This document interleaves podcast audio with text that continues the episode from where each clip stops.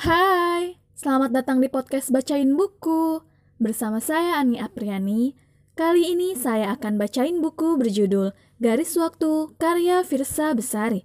Selamat mendengarkan.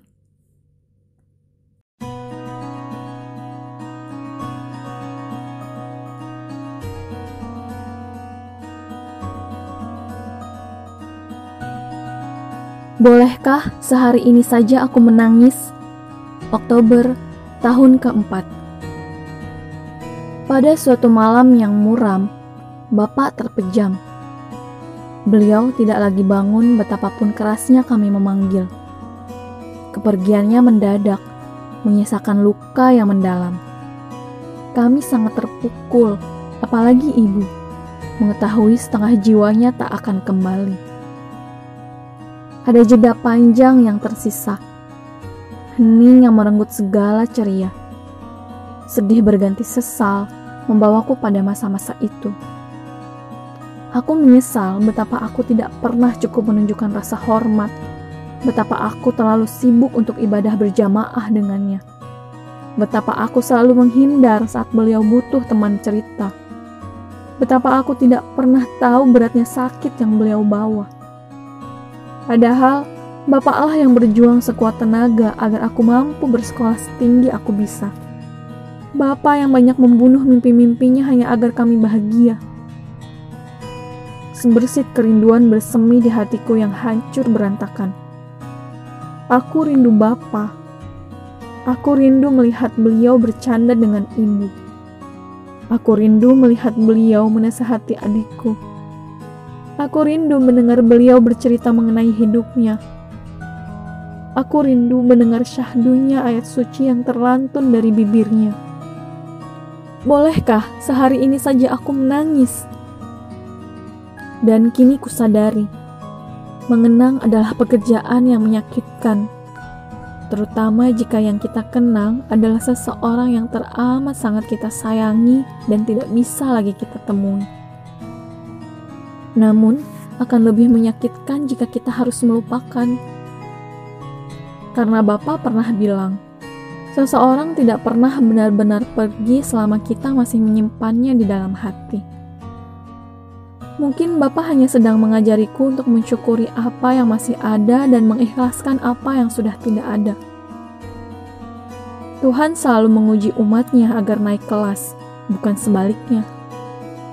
Aku percaya itu. Sekarang aku dan keluargaku sudah mulai tersenyum lagi. Terbiasa dengan ketidakhadirannya. Kami tidak sedang melupakan Bapak. Kami hanya sedang menyadari bahwa beliau tidak pernah benar-benar pergi. Kesedihan akan terus berkurang dan berkurang hingga akhirnya hilang.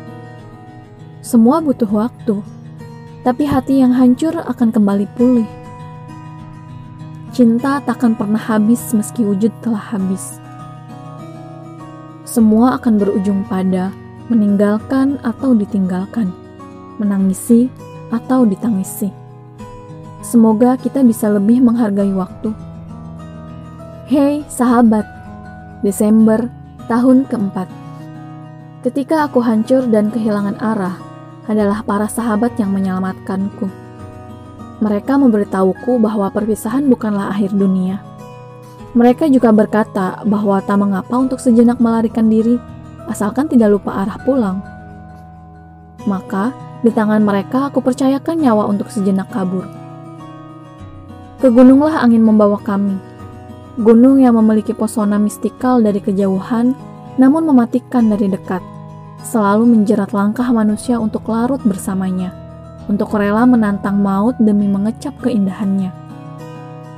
Dan amatlah keliru jika kita melakukan perjalanan supaya bisa pamer foto atau menunjukkan kegagahan. Gunung tidak diciptakan untuk memuaskan harga diri kita. Ia diciptakan agar kita lebih merunduk dan merendahkan hati. Di tengah api unggun, kami bernyanyi seolah tidak ada hari esok.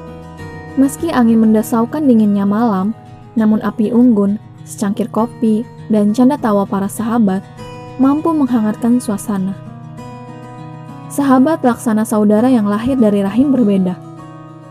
Alangkah miskinnya orang-orang yang hanya bertemankan uang, tanpa pernah memiliki seseorang untuk berbagi tawa dalam keadaan susah dan senang. Betapa banyaknya kepalsuan di dunia ini. Betapa banyak mulut manis yang menyelipkan pisau dalam setiap kalimatnya. Bersiap menusuk kita dari belakang. Berhati-hatilah dengan mereka yang gemar menjilat. Karena sahabat bukanlah ia yang bermanis-manis di hadapan kita. Ia adalah seseorang yang berkata jujur, seburuk apa pun kenyataan, agar kita tidak lupa diri. Sahabat bukanlah ia yang hanya datang saat kita berbangga hati. Ia adalah seseorang yang takkan pergi meski dunia memusuhi kita. Tertawa bersama, menangis bersama.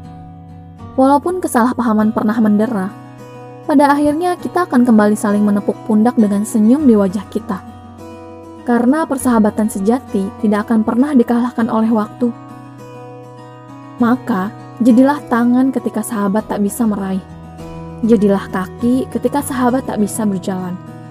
Jadilah mata ketika sahabat tak bisa melihat. Seseorang yang tidak meninggalkan kita di saat sulit adalah seseorang yang tidak boleh kita tinggalkan ketika kita senang jabat erat, tepuk pundak, melangkah bersama. Sahabat mencarimu ketika yang lain mencacimu. Mereka merangkulmu ketika yang lain memukulmu. Ada wajahmu di kaki langit. Desember tahun keempat. Tadi malam gunung diterpa hujan angin. Dalam tenda, aku berdialog dengan Tuhan, meski sebetulnya hanya satu arah. Setelah mendoakan Bapak, aku mendoakanmu baik-baik saja di sana. Di tengah badai, aku memeluk kenangan kita. Kita pernah melengkapi langkah satu sama lain, walau ujungnya jalan yang kita tempuh berbeda. Degup kita pernah seirama, doa kita pernah satu rupa. Tangan kita pernah tak hendak melepas. Kita lebih purba dari sang waktu. Apa yang pernah kita punya tak terdefinisikan. Wajar saja kalau aku mengingatmu sewaktu-waktu. Kau adalah seseorang yang pernah ku kejar mati-matian, sebelum ujungnya membuat jiwaku mati sungguhan. Dan tatkala hujan berhenti, aku bergegas melangkah keluar, mencari kaki langit. Di langit yang engkau tatap, ada rindu yang aku titip. Katamu dahulu kala. Apa kabar? Sedang apa? Begitu banyak hal yang hendak kutanyakan. Namun bibir ini keluh. Aku hanya mampu menitipkan sepucuk surat di sudut cakrawala, berharap akan kau baca. Atau jika tidak pun, kau tahu bahwa hari ini aku memikirkanmu, tak berlebihan, tak kekurangan.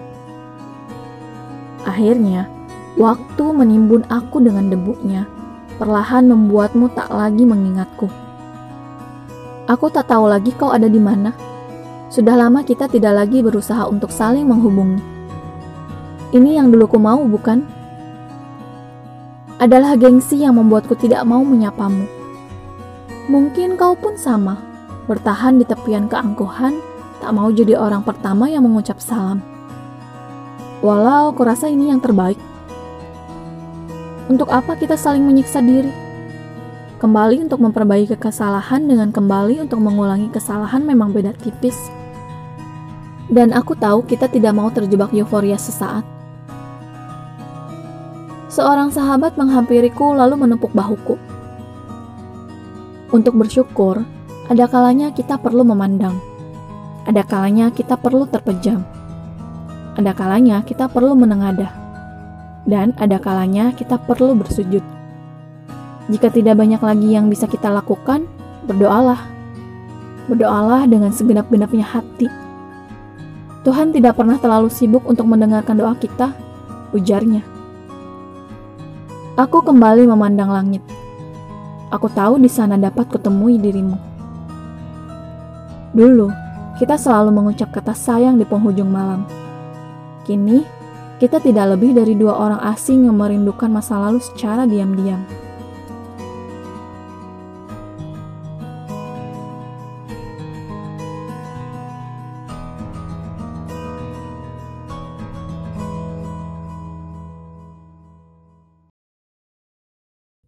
Demikian bacain buku Garis Waktu karya Firsa Besari. Untuk lebih detailnya, silahkan teman-teman beli bukunya di toko buku kesayangan kamu. Terima kasih telah mendengarkan podcast Bacain Buku.